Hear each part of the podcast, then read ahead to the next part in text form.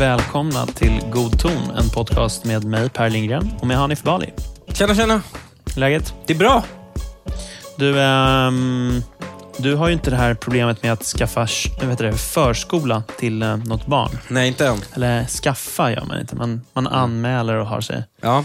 Och det kommer ju bli, eh, det kommer ju bli dags för oss att sätta vår dotter i eh, kö till förskola snart. Gör man inte det när de föds? Ja, men det är det som är grejen. I Stockholm är det sån jävla hets runt det här. Mm. Alltså, jag tror inte man kan göra det innan sex månader, men vissa ställen kan man göra det innan sex månader. Och då, alltså, du vet, man förväntas typ ställa dem i kö på tolvslaget när de Ja. har blivit sex månader. Liksom. Och jag har inte orkat sätta mig in Men i vad det här. är det? eh, Är det att de inte får en plats eller är det där du vill ha den? Ja, men det är där man vill ha den. Mm.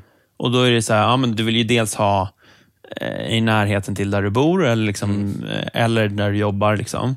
Och, och så vill man ju ha vissa, ja, men att det ska se schysst ut, att det här ska vara ett rimligt ställe. Liksom.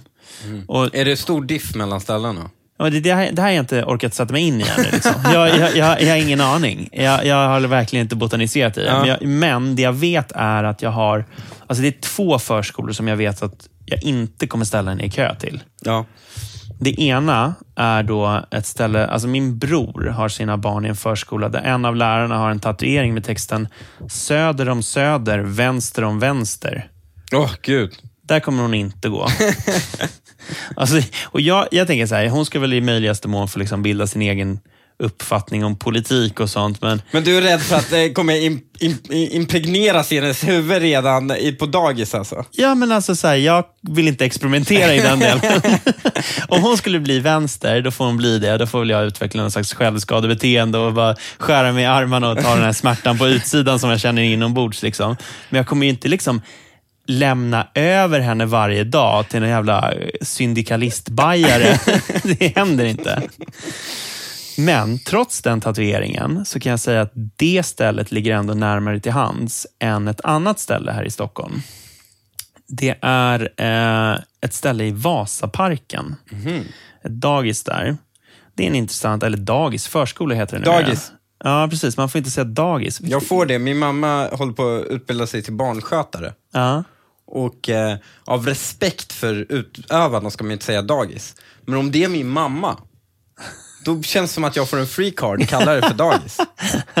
Det är någon intersektionell, vi behöver ta in Cavesa och se, har jag privilegiet att kalla det dagis eller inte?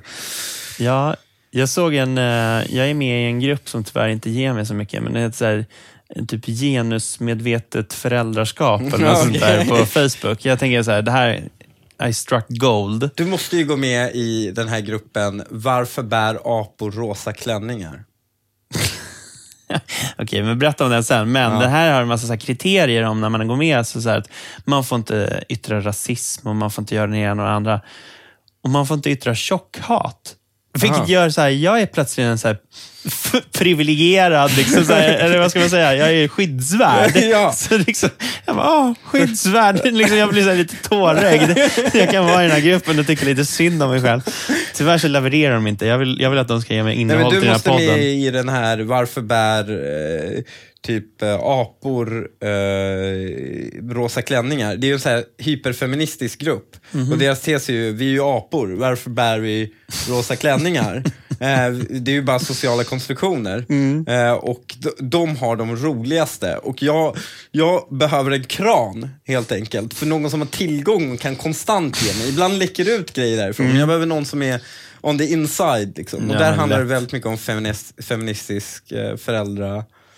Jag är, jag är med, jag ska gå med. Men alltså det är så roligt för du sitter där och är livrädd för att din unge ska bli vänster. Nej, men jag Och, är inte nej, men det. vänta, vänta, vänta. Du, du, men du är det. Du, är klart du är det. Men det roliga finns ju i att de här ultrafeministerna, att alla deras ungar kommer bli Sons of Bali. ja, ja, ja. Alltså, ja. det ju, all, deras ungar kommer växa upp och sen kommer de bli Sons of Bali. Och det kommer break their mothers hearts. ja, du utgör liksom tonårsrevolten. Men jo, men den här skolan, i, eller förskolan då, i Vasaparken, det, det, det är en ganska intressant förskola, får man lov att säga. Jag har en vän vars barn går där. Och Hon har berättat att det tydligen är så här, väldigt engagerad och bra lärare. Och När de har samling inomhus då, då, då sitter man på så små stolar. som Alla sitter på dem i en cirkel. Det är väldigt gulligt. Så där. Sandlådan är full av människobajs. Och de har ordnat med ett litet vindskydd som man kan ställa barnvagnarna vid. Och så där. Det är jättemysigt. Jaha, okej. Varför, va? Människobajs i sandlådan.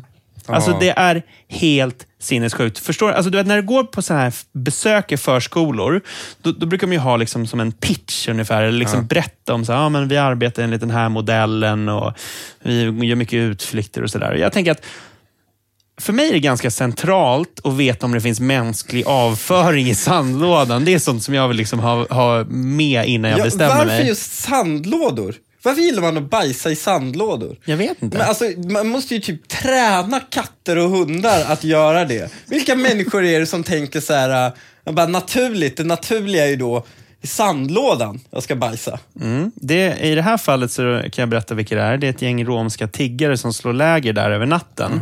Så det, eh, lärarna får inleda varje arbetsdag med att rensa bort skräp och eh, även rensa då i den här sandlådan, för den fungerar som deras skithus. Och eh, alltså så här, eh, Det som är grejen är att hon har ju då, min polare, hon har liksom fått ligga på den här eh, förskolan för att det ska styras upp. Liksom. Hon har fått bli till någon slags jävla projektledare och jag kan inte fatta att det ska behövas. Alltså, om jag får för mig, liksom man är hem, på väg hem från krogen och så får man för sig att jag kanske ska bajsa i någon av Stockholms parker. Då kommer jag bli bötfälld innan jag hinner torka röven med höstlöv. Ja, liksom. ja. Hur kan det här få fortgå? Och jag fattar inte det. Alltså det måste ju vara att, ja, men ifall det är polisen eller vilka det är, bara tittar åt andra hållet. Ja. Eller hur? Ja, ja. När jag berättade om det här för en kompis, då sa han ägd. Alltså som att hon vars barn nu eh, bakar kaka i avföring, att hon då har blivit ägd. Av vem? Ja, av, precis. Av de här romska tiggarna? det är det här jag inte riktigt får klart för mig. Det här leder mig till liksom frågan om hur slangbegreppet ägd idag har använts. Om man söker på Wikipedia så är förklaringen av just slangordet ägd, den är så här. Besegrad i någon argumentation eller konflikt. Och Det krävs alltså att man har förlorat på något sätt för att man ska vara ägd. Och visst, liksom, i det här exemplet med sandlådan så kan man ju onekligen säga att det får ses som en ganska rejäl förlust att min polares barn då har kolibakterier när de bygger sandslott. Men Alltså, det, det, fan, ja, förlåt. ja, Alltså, hur svårt är det att sätta upp en jävla nattkamera där? ja. Och sen så bara dyker polisen när de känner för det och så drar de upp de här videorna och så bara bötfäller man dem. Och sen så skuldsätter man dem, kronofogdar dem och sen bara driver dem ur an- landet. Hur så jävla svårt är det? Nej, det borde inte vara så svårt. Jag, jag, jag begriper inte. Men jag menar ju då att i det här fallet, alltså med hon som har barn i det här eh, dagiset, det, det är inte så att det är ingen ägning, för det, finns, det måste finnas någon slags prestigeförlust. Alltså att man har gjort anspråk på någonting som man liksom inte kan möta upp. Det är då man liksom gör den prestigeförlusten. Jag tänker så här, för att det här ska bli mer konkret, så kan jag ta ett exempel på när det inte är en ägning enligt min mening. Eh, det här är ett ganska gammalt klipp från Nyhetsmorgon när en gästande kock skulle lära ut hur man gör flädersaft. Och han berättar då att han använder ett kilo socker till det. Och så eh, frågar då den här programledaren, bara, okay, men finns det något sätt man kan göra det typ ja, med mindre socker eller så? Och så får han då ett svar. Så här lyder den dialogen. Det ska bli så här gott som din. Hur mycket socker har du i sen då? Samvetsfråga kanske? På en liter vatten så har jag i ungefär en, ett kilo socker.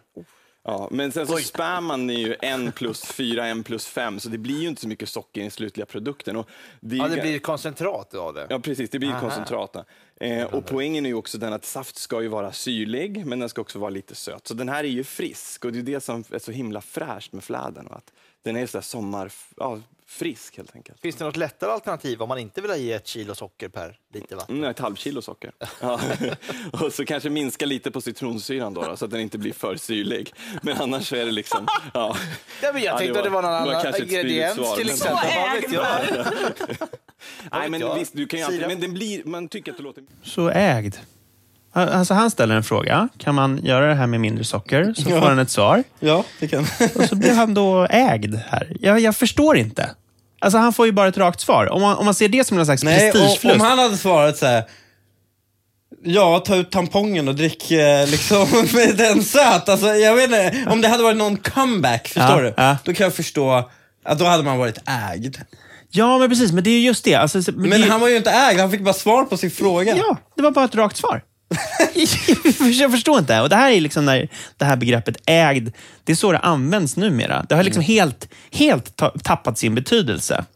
Och för, att liksom då, för att man ska förstå vad, vad jag menar är en ägning så kan jag ta ett exempel på när det faktiskt är en ägning. Och Det är ju vad Ebba Busch Thor gjorde mot Jonas Sjöstedt i partiledardebatten.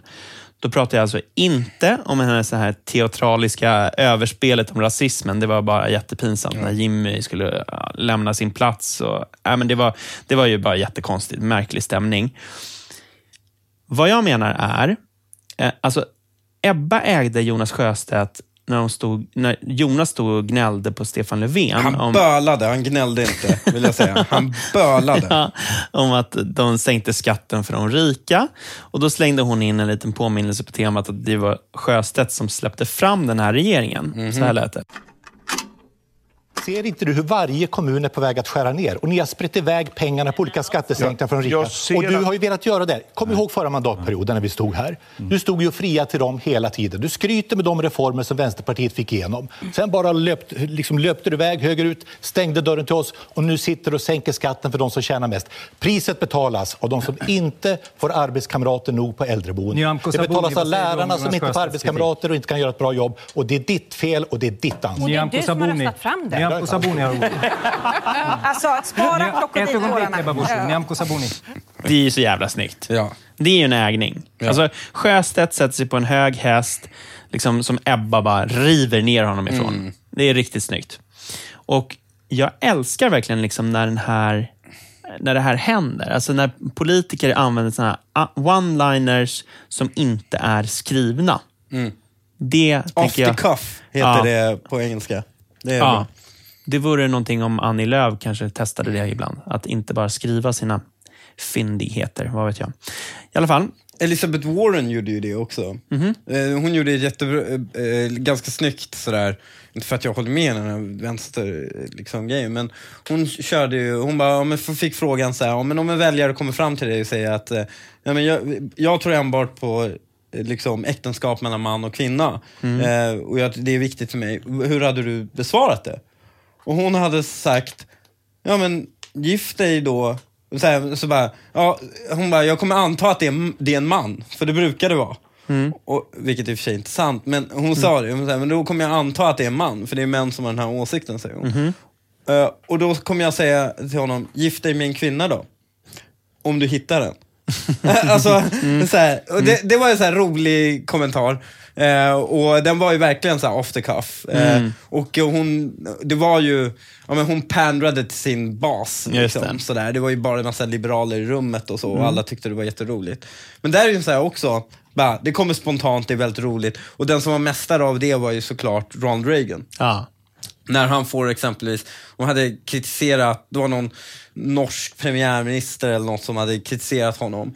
Eh, och då han, han sa I don't care about communists. Eh, och så, så, var det någon journalist som räckte upp handen och He's not a communist, he's, he's a social democrat. Och han bara svarar I don't care what kind of communist he is. Eh, och, men det är så här, han var ju en mästare av dem där. Liksom. Ja. Och man älskar ju det, det är Ja. ju roligt. Ja. Ja, men det jävla, jag älskar det där.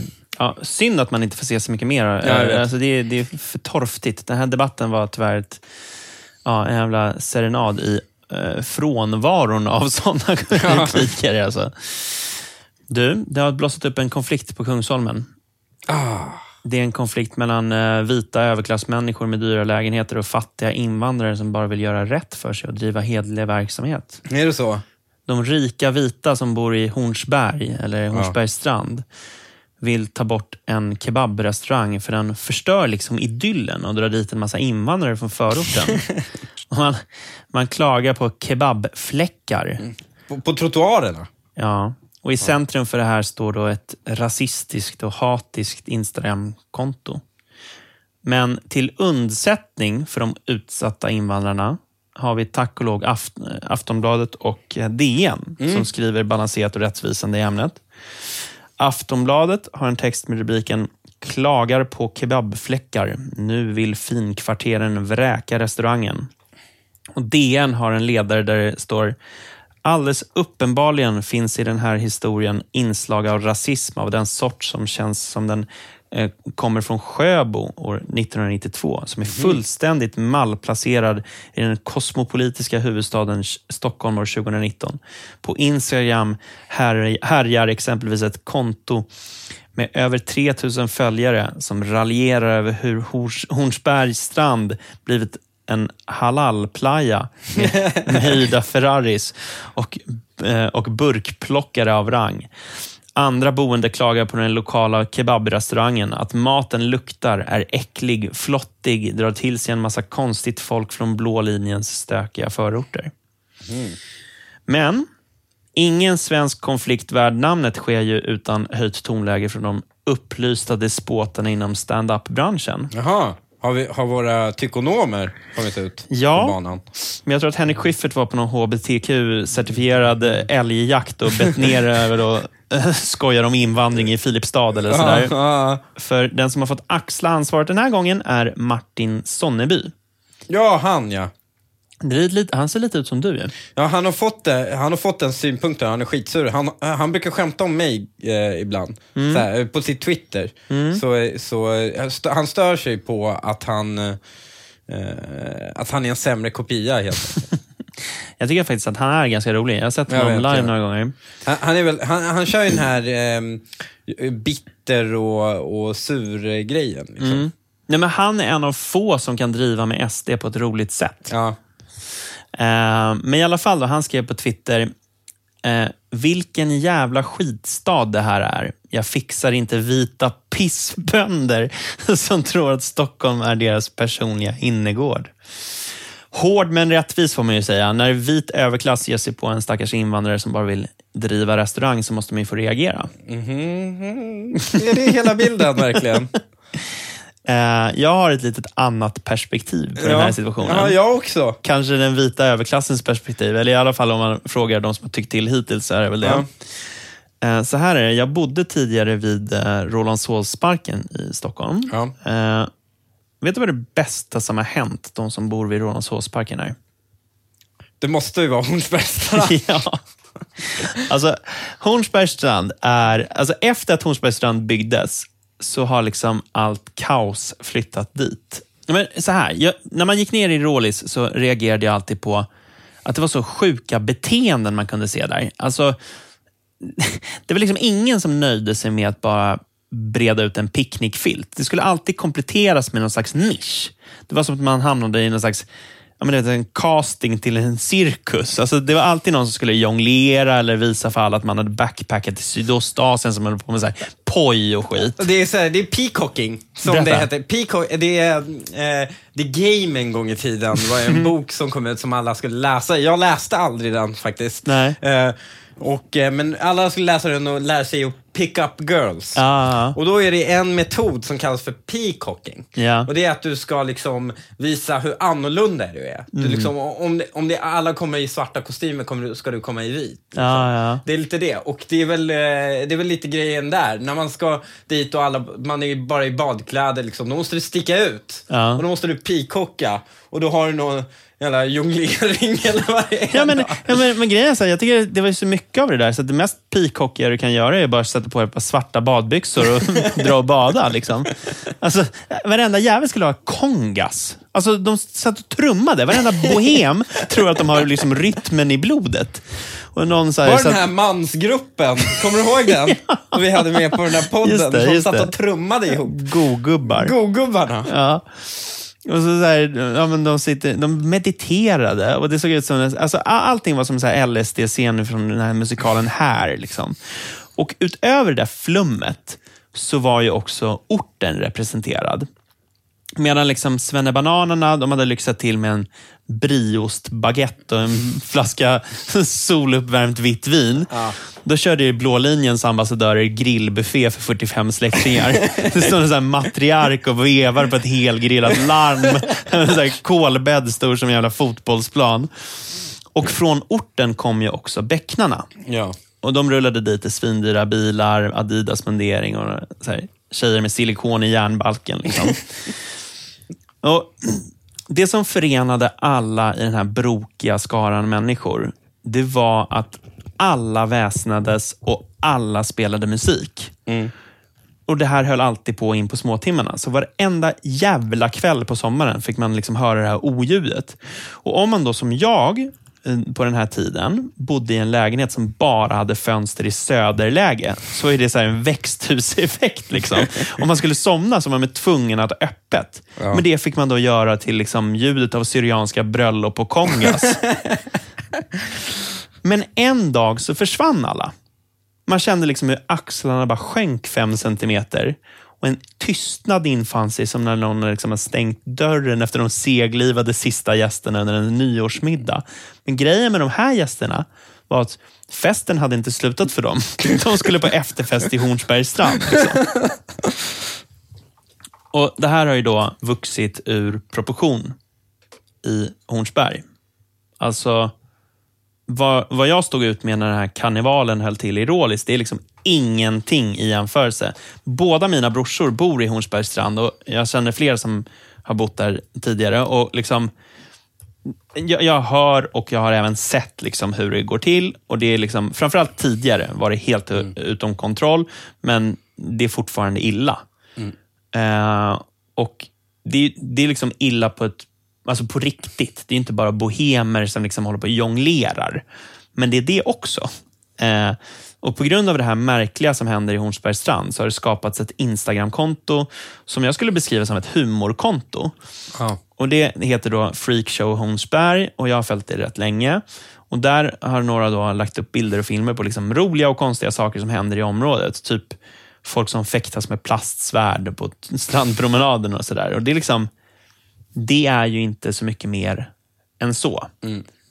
Men det kontot har nu liksom hijackats i hela den här dramaturgin som nu har uppstått. Det är ett rassekonto nu. Precis. Har fått att skämta om invandrare. Nej, och liksom det, det lustiga med det kontot är att det är inte företrädesvis invandrare som man skämtar om där. Nej. Det är bara, Det är bara hela, konstiga människor. Men, Ja. men så fort konst, om konstiga människor har invandrarbakgrund, Mm. då skyddas de av invandrargruppen helt. För en attack mot dem är ju att se alla invandrare som konstiga. Mm, precis. Eh, så du får ju skämta om konstiga svennar. precis. Utan att alla svennar ska behöva känna skam över det utan det är en konstig... Men om personen är invandrare och du skämtar om den, hos alla de här goda människorna så är det en skam som spiller över alla invandrare. Exakt så. Men det som har hänt nu är att, eh, alltså på grund av att det varit jävligt kaosigt, så har man satt upp så betongsuggor för att förhindra de här bäcknarna från att kunna köra i 190 med sina Ferraris och sådär. Ja, jag blev stoppad av polisen faktiskt. Där, Eh, för att jag körde igenom där. ja. Och jag, jag åkte faktiskt långsamt. Ja. Eh, för det var liksom barn, alltså det är ju små barn, det är ju en sommargågata och sånt. Så det är ju gångfartstrafik vissa delar. Vissa delar kommer du inte åt alls. Och vissa är är det sån här profilering man har hört om? Du nej, kommer men, med ditt svarta eh, skägg och så blir det genast Ja, men, nej, men, nej, men jag, åk, jag, jag, jag vet inte, det kanske såg snabbt ut. Min bil ser jävligt snabb ut. eh, och sen så, så kom jag och sen så kör jag in mot Solna mot ingenting. Alltså det. Mm, är ju över bron där, exakt. Eh, och där brassade jag på som fan. För i helvete vad jag körde där. Eh, men jag ser, polisbilen var liksom framför mig när jag körde i det här gångfartsgrejen. Och det, Mm. jag körde ju lugnt. Liksom. Och de stirrade lite extra på mig. Och sen så var jag, alltså jag var borta vid Säpo nolltid. Liksom. Det var eh, sjukt. så. Och sen så plötsligt så här, ja men jag saktar ner för vi är nära Säpo. Då, så- Och sen så plötsligt ser jag bara blåljus i, eh, i spegeln. Eh, och jag bara, fuck! Panik, eh, öppna dörren, Eh, går ut, de bara, du kan sätta dig, sitt kvar. Typ så här, ja fuck, fuck. Och så kommer de fram och så bara, ja det gick lite fort det där. Och så jag så här, nej, jag, jag saktade ner. Typ så här, jag tror de ville, de ville ju att jag skulle säga hur snabbt det gick. Liksom. Eh, tror jag. Det, Mm. det är väl en sån här polismetod. Liksom. En öppen fråga och ska man ge dem information. Liksom. Eh, och sen så sa de...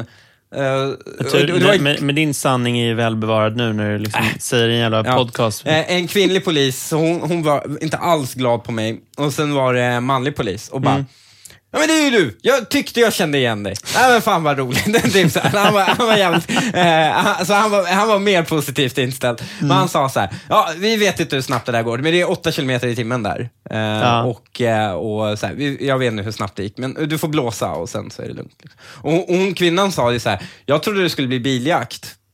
Jag bara, what? ja, men jag trodde du skulle dra ifrån liksom. Så jag bara, ah, nej, nej, jag stannar. Men Så, jag, tror inte de, jag, tror, jag tror inte de uppfattade att jag gick så snabbt. De, jag tror de hade synpunkter på när jag åkte på gångfartsområdet. Ja. Men för Ehm. det, det är där, alltså där folk går med, alltså folk går ju med barnvagnar och du vet sådär. Nej, alltså det är små barn som springer fritt där. Alltså, för Mm, det är ju- Numera så är det ja. liksom gångväg i princip, men, de, Ja. men man kan ändå åka in där för att typ, Ja. ja. få tillträde till garage och grejer. Mm. Liksom. Men, men innan så var det ju standard att alla bäcknarna gasade upp i 320 där. Liksom. Eh, och Det gjorde ju att folk blev rätt mätta. Och det, där var ju, det var ju en av flera grejer som var standard förr. Och vissa av de här grejerna är fortfarande, men alltså, det har ju sålts jävligt mycket droger helt öppet Mm. där. Och Det ligger alltid skräp överallt, det är, Och det är, också konstant orsaken, oväsen. det är också orsaken till varför ett tag varenda hiphop-låt från västerort handlade om jetski. Ja, ja, ja, precis. Alltså, så folk åker med vattenskotrar och där folk är och simmar och bränner med sina vattenskotrar skitnära. Det, det var en snubbe, en jävla föråldrad Ayia Napa, eh, du vet, chartersvenne, som brukade åka runt med sin töntiga båt och spela svinhög musik för att alla skulle titta på honom och hans silikontjejer som de, när de stod och dansade. Och, han var också sv- svinstörig och han arrangerade så här stora fester där liksom folk guppade omkring i badringar och sådär. Det här slutade med att en person drunknade. Och, och Han tog ju såklart inga ansvar för det. Liksom så här, utan det var ju bara, men han såg sig inte som arrangör, vilket han glasklart var. Eh, ja, och, och det här liksom, det var massa sånt där. Så jag följde tidigare polisens Facebook-konto om Kungsholmen bara för att liksom kunna götta mig i det faktum att mina bröder drabbades av den här skiten, men inte jag. Liksom. Eh, och det var, ju alltså, det var ju utryckningar varenda jävla dag. Men mycket av det här har ju liksom blivit bättre, delvis då på grund av att de som bor där har engagerat sig och de är ju liksom polisanmält svinmycket. Liksom. Och Det är ju väldigt mycket på grund av det här som man liksom har fått styr på det någorlunda, men det är fortfarande inte bra. Liksom. Vad som nu då har blossat upp kring den här restaurangen ligger liksom vid sidan av allt det här. Alltså, det är ju då en restaurang som heter Midan. Eh, och Midan har använt en lokal i anslutning till själva restaurangen där de har lagat mat och diskat, vilket då föreningen säger så här, men vänta nu här, det där var alltså inte vad ni skulle göra. Ni skulle inte laga mat och diska i den lokalen. Det var inte dealen. Och bostadsföreningen säger också att eh, man har hållit på och lagat mat och väsnats under nattetid, vilket inte heller var överenskommelsen. Och eh, Kockarna och diskarna har liksom burit mat mellan lokalerna så att det har runnit fett på marken och det har liksom inte tagits bort. Och Det är de fläckarna man har pratat om. Det är alltså inte kebabfläckar på marken som att någon har ätit kebab och spilt lite. Liksom. Mm. Och Dessutom så har man då från föreningen klagat på liksom bristfällig sophantering och att det var skräpigt. Och utöver det så hävdar man att det har förekommit fester i den här lokalen nattetid, vilket har stört omgivningen. Och Jag vet inte vad som stämmer i det här och inte. Och alltså den här restaurangägaren, han håller ju inte med om beskrivningen och köper inte det här alls, men han säger att sophanteringen har varit bristfällig. Han, är, han erkänner ju att de hade problem tidigare, men det är åtgärdat. Exakt. Det är det. Den var bristfällig i början, den här sophanteringen, eftersom att det blev en större succé än vad de hade eh, kunnat förvänta sig. Eh, och jag, Tänka sig. men jag ser det här som en ganska vanlig liksom, konflikt mellan en hyresgäst och en bostadsrättsförening. Det är supervanligt med bråk mellan eh, bostadsrättsföreningar. Det, vi hade en sån, vi hade en sån mm, som en moderat riksdagsledamot var inblandad i. eh, han ägde en restaurang Ja. och eh, jag pratade aldrig med honom för jag tror inte han kunde svenska. Men han satt här i riksdagen för oss ett tag eh, innan han blev ut, utesluten. Eh, så ehm, han hade en konflikt med sin till exempel bostadsrättsförening där de tyckte att, här i Gamla stan, eh, det var inte hans, men han hade en restaurang skriven i sin frus namn. Eh, och, eh, och när eh, de här till slut får nog, de hade ett tillstånd och sen så, de höll på till sent till tre, då vräkte de dem. Eh, och eh, den här bostadsrättsföreningens eh, ordförande, plötsligt knackar någon, någon på dörren på honom, hos honom. Och han öppnar dörren och så får han två skott i varsitt knä. Åh jävlar. Ja, eh, det är helt orelaterat såklart. Ja, precis. Eh, eh, men ja, det, så går det med klanröstning. ja, Men, men det, just runt den här eh, situationen, alltså precis som du beskriver, det är en inte helt ovanlig konflikt. Alltså en restaurang och... Ja, nej, eh, liksom, det, det, Ja. det är rätt vanligt. Och ändå så är liksom alla som har uttalat sig hittills, de är helt jävla övertygade om att det är en slags rassekonflikt och att det här är lite ja, saltat i någon slags klasskonflikt. Och Vad jag tycker då är rätt märkligt är att de här människorna som ska föreställa rasister, de som bor där, de kan leva med mängder av andra restauranger från andra länder. och så där. Det finns en libanesisk restaurang typ ett hus bort. ja, den är Eh. skitbra också. Ja, men det är ingen konflikt runt den restaurangen. Nej. Så det är en ganska selektiv rasism. Liksom. En person som jag eh, känner, eh, som bor där, han tror att han såg Jonas Sjöstedt stå och bli fotad vid den här Ja, restaurangen. jag vet, varenda jävla vänsterpartist åkte ut dit för att markera mot rasismen. Mm. Och Jag vet inte ifall det stämmer att det var just han, men eh, han bara... ja, Men eh, Nooshi Dagostar eh, åkte Ja, dit direkt. ja jag, är inte, jag är inte dugg förvånad om det stämmer. För det som är grejen är, det här är eskalerat, för nu på torsdag, när vi spelar in det här, det är tisdag. Eh, då, nu på torsdag, det vill säga dagen innan eh, podden släpps, så ska det vara en gigantisk demonstration vid den här restaurangen. Och då är det en massa godhjärtade antirasister och klasshatare som liksom ska visa sitt stöd för att en kebaberia ska få laga mat i lokaler de inte har rätt att laga mat i. Liksom. Ja, jag, jag, det har bara gått helt överstyr. Men han- är inte han en kapitalistisk arbetsköpare? Som men- bryter mot arbetsmiljöregler och, och så. Men, Precis. Nej, fast, eller har han en hard pass på det för att han är liksom, eh, för han är svartskalle? Ja, men det måste väl vara så. Alltså Okej. att man, har, att man kan trumfa med det i alla lägen. För fan vad bra. Jag menar att det alltså, som har jag ska bli skapat... krögare. Helvete, jag Åh, slipper följa Ja, en det- enda regel. Fan, alltså de syndikalisterna som vill liksom sätta det här i strejka utanför när du inte har ett fackligt avtal, de, de kommer ju vara rasiststämplade innan lunch.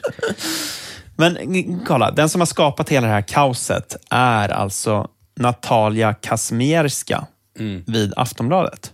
För hon har ju läst in rasism i en helt vanlig konflikt mellan en hyresgäst och en förening. Och En av de som har det där Instagram-kontot Freakshow Hornsberg, han blev kontaktad av Natalia och han beskrev hur Natalia då försökte liksom elda upp någon slags vi mot dem-stämning som han inte han alls kände sig bekväm med.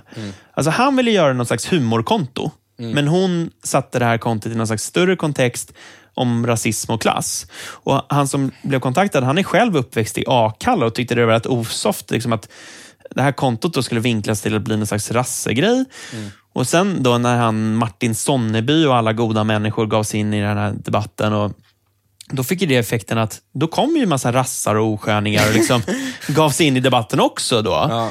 Och Effekten blev att de som har det här Instagram-kontot fick nog och beslutade sig för att lägga ner. Eller åtminstone är det så jag tolkar texten. De har Så- låst, det. Ja, så här står det. Happ. Då blev kontot samt området kapat av vi mot dem.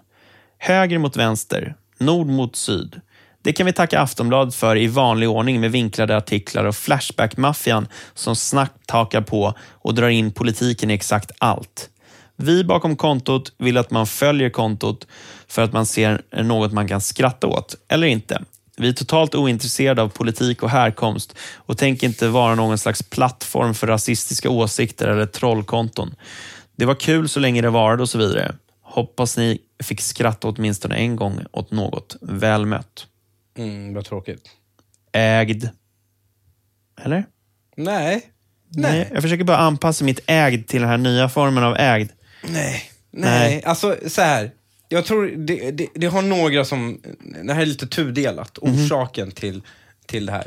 Jag tror eh, en viktig aspekt är just området. Alltså jag tror folk måste förstå lite, det, är inte alla som kommer av våra lyssnare som är från Stockholm, eller Nej. för den delen är från eh, västerort eller känner till de här området.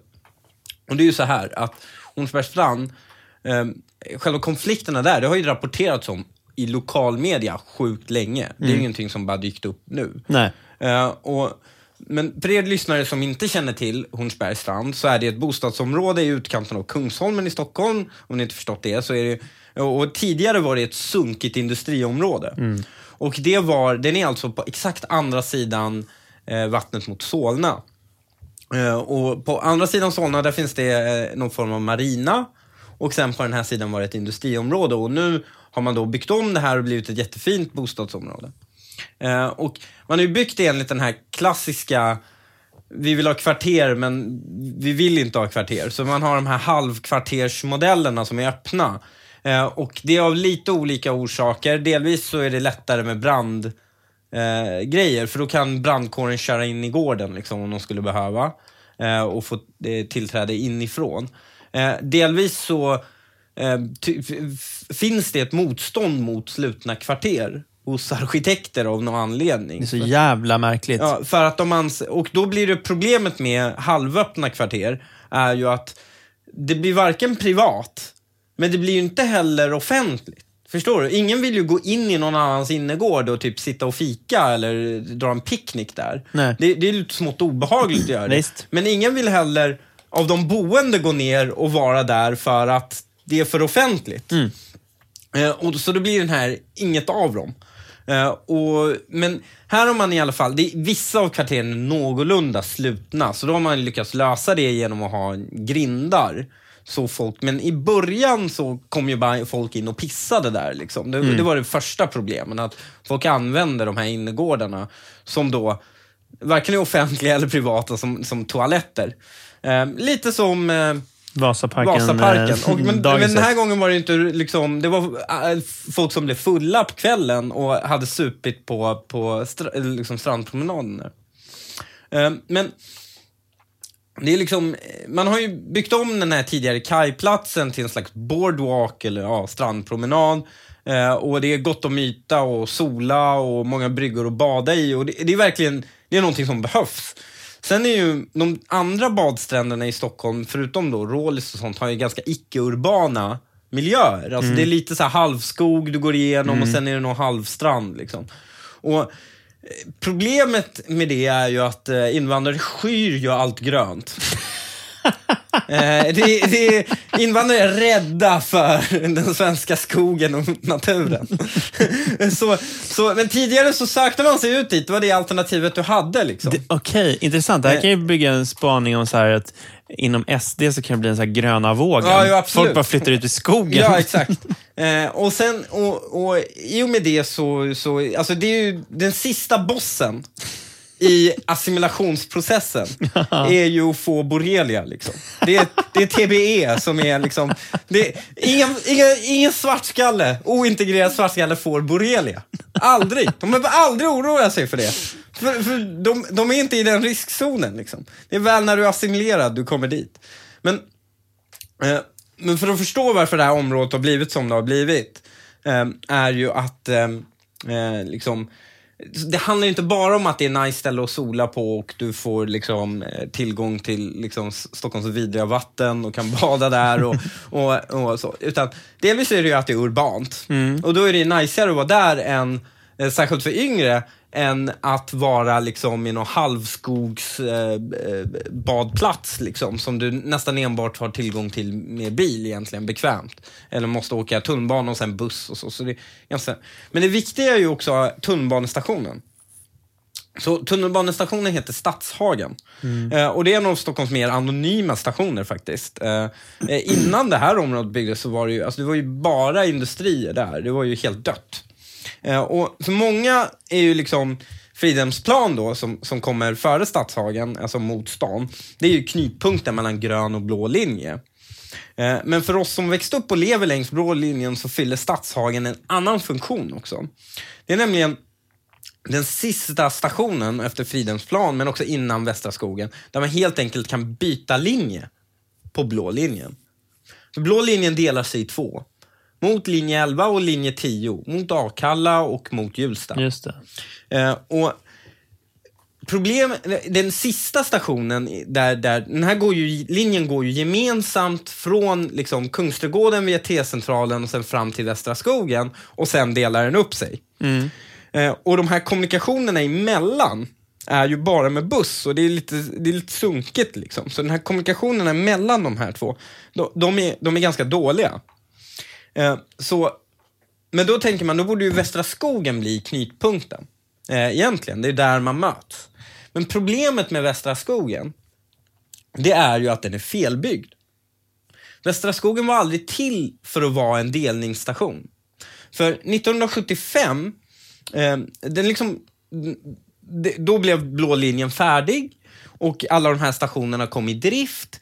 Men då fanns inte linjen alltså från Västra skogen till Rinkeby och sen vidare i Hjulsta. Utan vad som skedde var att blå linjen delade sig efter Hallonbergen och gick mot, eh, mot eh, Tensta och Hjulsta. Så det var 1985, tio år senare, man byggde ut den delen. Och när man byggde ut den delen, då fick du eh, Eh, den här konstiga situationen att det finns tre plattformar på Västra skogen. Eh, en plattform som är norrgående och det är ju, eh, då, då dyker ju liksom tågen omlott upp mot, mot Hjulsta eller mot Akalla. Men södergående, när du kommer från eh, Hjulsta eller Akalla, då hamnar du på två olika plattformar. Och det är lite randomiserat vilken plattform du hamnar på. Så därför blir det lite obekvämt nästan att mötas upp där. För då är det så här, ah, var är du? Och det här var lite innan tunnelbanan. så. Vi- Vilken plattform är du? Och allt ser likadant ut och sånt. Så det är mycket smidigare att bara hoppa av Stadshagen. Fan sjukt att jag aldrig har reagerat på det. Eh, för hoppar du av Stadshagen så hamnar du på samma plattform Mm. när du möts upp. Så Stadshagen är där de två olika House of blå linjen möts. Just det. Och i detta bygger man en urban, så att säga, skön ungdomlig miljö där folk med, kan steka med bilen, men också det är mycket brudar, det är mycket bikini, men det är urbant, det är liksom sådär asnice, tänker man. Och det drar ju till sig såklart eh, massor av folk. Eh, och man märkte ju tidigt att de öppna gårdarna var, var, var ett problem. Men i den här artikeln så finns det ett citat som alla har hängt upp sig på. Och då säger hon, eh, jag är inte rasist, men det är ju Mohammed och Ali som kommer hit. Mm. Får jag bara sticka in då? Mm. Det är ju det är hon Natalia som pratar med en som är, Ja, som är en- en, en Emma inom Ja, citationstecken. Alltså, ja, men när Natalia pratade med den här snubben från Mm. Horns, med Freakshow Hornsberg så upplevde ju redan han att så här, ja, men det här är någon som försöker liksom Ja. sp- sparka igång någon stämning. Jag undrar vilka frågor som ledde fram till att Emma sa sådär. Exakt. Ingen säger sånt spontant. Vad är Nej. frågan? För det, hon, hon skriver bara, hon skriver inte frågan. Mm. Eh, och eh, det kan ju lika gärna varit, men vilka är det som kommer hit? Mm. Och så här, men jag är inte rasist, men det är Muhammad Ali. Det är en korrekt beskrivning av vilka som kommer Mm, exakt. dit. Ehm, så, alltså, det kan ju, det är ju alldeles uppenbart att när Natalia har dykt upp där och gjort anteckningar om hur fint hennes kök är. Liksom, du märker ju redan vilket perspektiv hon har valt att ta. Och då, det är inte svårt att få fram lite så här, det här citatet kan jag skruva till. Liksom.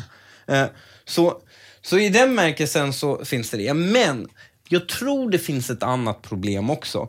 Nämligen, i Sverige har vi inget språk att prata om klass mellan invandrare. Förklara. Ehm, och det här var ju också, jag, jag har tagit upp det tidigare och tagit upp det gällande den här diskussionen som fanns om stadsbilden tidigare i somras. Då man tyckte att, eh, det var Ivar Arpi som sa att stadsbilden hade förändrats. Mm, just det. Och det är alldeles uppenbart så att Hornsbergsstrand hade ju inte haft problem om det kom en drös jävla BRF-iranier till, till, till deras bostadsområde och bosatte sig där och sånt.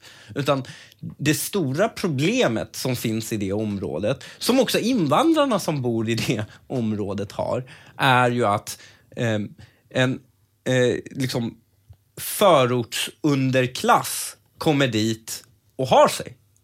Och jag bara för, jag hade en diskussion med, med, ehm, med mina vänner om det här och jag tyckte så här, ja men jag tyckte Emma var, jag tyckte hon var uppfriskande ärlig. Hon sa, nej men vi har betalt dyra pengar och vi vill inte att det ska vara så här. Sen, vet, sen handlar det förmodligen inte om etnicitet och sånt, men det finns nog det, det är oundvikligen att det finns en sån dimension. Alltså, kanske inte etnicitet, men vilka, de här, vilka som söker sig till de här områdena. Och, alltså, men, så, men som du säger, alltså så här, det är ju det är ett beteende man vänder sig mot. Exakt. Det är, inte, alltså, Det är inte deras hud eller hår- det, Alltså hårfärg. den där jävla svennebananen som åkte runt med sin båt Ja. förut. Det, alla hatade ju honom. ja. Det är och han var ju pursvensk. Exakt. Och, men man har ett problem att prata om, om det här, om, om Stockholms förorter i termer av klass. Eh, och termer av liksom, etnokulturell klass eller invandrarklass till och med. Eh, och det här, jag tyckte det var lite så här, jag tyckte det var jävligt roligt alla som var så jävla upprörda. Delvis så blev den här kebaben någon form av symbol. Men jag tror kebaben, delvis så, det, ja det finns en enskild konflikt när det kommer till när det kommer till eh, just den där restaurangen och hur, och hur dens problem med lokaler och buller och allting sånt. Men det finns ju också en större konflikt i det området om att just att Adidas-kostymerna är där. Ja, och jag menar ju att det är helt skilda saker. Absolut. Alltså det är det som är, alltså det är, det är två konflikter, men de har inte riktigt med varandra att göra. Nej. Och exakt, det, det, men den här Adidas-konflikten som finns, Ja. den blir ju också toxisk för att man inte har ett språk att prata och i, till och med invandrare har inte ett, ett språk för att tala om det här, utan man ser en attack mot Adidas-riddarna som en attack mot invandrare och Mm. så blir man skeptisk och säger så här, men vadå, ska inte jag få få ta del av den här stan som alla som helst. Jag Mm. sköter mig och är ordentlig och sånt. Eh, och man, I och med att vi inte har ett språk för det så blir det automatiskt så att man nästan associeras per automatik, nämligen ser en attack på dem, blir en attack på dig för att vi har inget språk för att differentiera det här. Nej. Och det är därför jag försöker utveckla det med till exempel allt från Adidas-riddare till BRF-iranier och, och sånt. Liksom, för att just differentiera den här konflikten då som uppstår när vi inte har det här språket blir att ehm, Delvis så blev den här pseudo, nu ska alla gå och äta kebab och tro att det är det som är problemet. Men det finns ju jättemånga alltså, exotiska restauranger. Det finns 20-30 exotiska restauranger där. Ja, ja, ja visst. Eh, det är inte det som är problemet. Problemet är att det är eh, en, en förortsunderklass där som vi inte klarar av att differentiera från andra språkmässigt. Och det är ju någonting, det är ju en förmåga vi måste skaffa. För eh, annars så riskerar man, annars gör man två olika saker. Ett, så riskerar man att skapa lojalitet gentemot de här från människor som sköter sig för att alla känner sig utpekade. Eh, och, och den andra sidan, så just att det öppnar upp för anklagelser om rasism. Om du inte, ja, men ta till exempel, ja, men vilka är det som är här? Och hon säger Mohammed och Ali. Jag tror hon menar, alltså Mohammed och Ali också i form av eh, ett, liksom etnifierad underklass. Eh, Men får jag bara fråga, alltså, om man problematiserar just det där med underklassen. Det är det är samma sak där. För då skulle man ju i sånt fall från vänsterhåll kunna säga så här, ja men okej, precis, så det är ett jävla klassförakt. Alltså förstår du vad jag menar? Att man, ja, men jag tror inte att det är ett klassförakt heller. Det är liksom beteenden Ja. som man vänder sig emot. Och de kanske är överrepresenterade i grupper som man kan då identifiera som, ah, okej, om du vill identifiera som invandrare, fine. Men då, det, blir, det blir trubbigt eftersom att BRF-iranier inte träffas av det. Om du vill identifiera dig som arbetarklass eller underklass, ja, men det blir också trubbigt eftersom att det inte är representativt för hela den gruppen. nej. Och Alltså- också att de är ju, de är ju, det är ju inte fattiga människor heller. Nej, men det är det som är grejen. de, de är ju med sina liksom, M3 där och, och burnar. Liksom. Ja, det, exakt. Det, det är inte, det är så inte det, är, det är ett, alltså jag, så jag vänder mig lite mot Men även det begreppet. Ja, alltså men det, är liksom, ju, det är ett beteende man ja, vänder sig mot. Men även underklass kan få tag på pengar, så att säga. Ja. Eh, och, och det beteendet man ser där, det är liksom, det är Adidas riddarskap liksom. Ja, Det är ju det som är, eh, det, det är gettokultur. visst. Eh, och det är väl det som, som vi inte har ett språk för. Exakt. Eh, och jag tror liksom, debatten görs en tjänst av att prata om det så. Mm. Det- Jag såg, så DN hade någon jävla hot take på det här, Lisa Magnusson, som handlar, handlar om att det handlar om att det är för mycket människor på en yta. Ja. Och det är bara så, det är så jäkla pantat. Det, det, det där området är ju inte alls det mest tätbefolkade eller mest rörliga liksom, området, eller så här, mest eh, liksom, eh, ja, men tätbefolkade, varken befolkningen eller människor som rör sig i Stockholm. Nej. Det är, inte, det är inte det som är problemet, att det är för mycket människor. Det är att det finns en ganska stor koncentration av fel sorts människor där. Och den fel sorten handlar inte om etnicitet, men det är en gettounderklass. Och den gettounderklassen, vi hade haft exakt samma diskussion om man hade byggt Hornsbergsstrand och det hade blivit något raggartillhåll för människor från Mjölby att komma och hänga på. Och man hade liksom bara varit massa långhylsor och folk hade kastat snus på väggarna och, och det bara dunkat hårdrock och, och liksom Eddie Meduza hela dagarna och så. Jag hade haft exakt samma diskussion. Absolut. Eh, Men där hade vi haft ett språk för att säga vad som är problemet. Utan att det blir, blossar upp en stor rasismdiskussion. Och då skulle sådana här artiklar som eh, Aftonbladet försöker med aldrig flyga heller. För du skulle inte kunna framea det som en eh, som någon form av raskrig. Liksom, Nej. eller så. Låt oss säga att det vore tvärtom, nämligen att det här området bar bara massa BRF-iranier på. Okej? De har köpt dyra lägenheter, vill ha, vill ha det nice där. De vill inte ha massa stök. Och sen kommer det massor av, av, av eh, eh, raggare. Och sen så, kommer, så svarar de så här, men vilka är det som här? Och säger ja men det är Ronny, Conny och Sonny. Mm, precis. Då är det ingen som bara, det här är en rasism. Det hade ju inte, det är rasismen som är orsaken till det här. Utan alla hade fattat exakt vad man menar. För vi har ett språk till för det. Så jag tror mycket av den här konflikten går, ehm, är bara, jag tycker det är lite, den här konflikten visar ju också lite av hyckleriet som finns. För man pratar ju också om hur fint det är med mötesytor. Att bara, förorten behöver bara möta innerstan för att det ska bli så fint och bra. Och det är ganska fint och bra där. Det är det.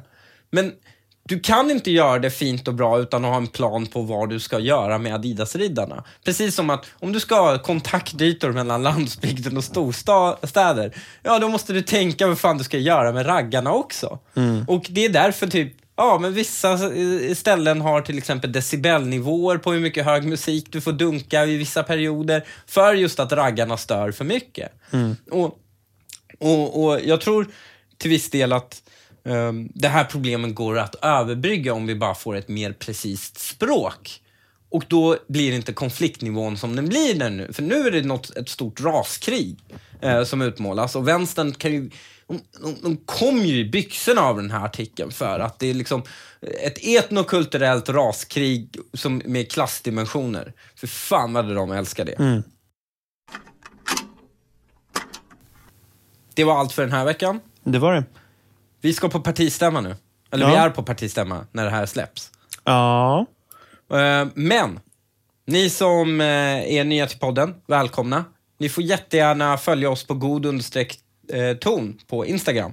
Där vi gör uppdateringar lite på vad det ska handla om i veckan. Och, och Per gör uppdateringar när han känner för det. Är det där. Och eh, ni andra eh, som har stöttat oss på Patreon, stort tack! Och vi, är du som ny lyssnare och vill stötta oss på Patreon så går du in på patreon.com godton. Och som Patreon funkar är alltså att du får bestämma hur mycket du vill ge eh, i donation till oss per avsnitt. Eh, man kan ge en dollar, liksom ingenting kanske för dig, men ett jättestort stöd för oss. Och sen får man tillgång till vår hemliga Facebookgrupp. Eh, jag har skickat ut inbjudningar till alla nu. Alla ska ha fått det. Och har man inte fått det, då har man fel, uppgett fel e-postadress. Och då får man höra av sig till oss på eh, DM, på eh, Patreon, så lägger vi in er där. Men det var allt.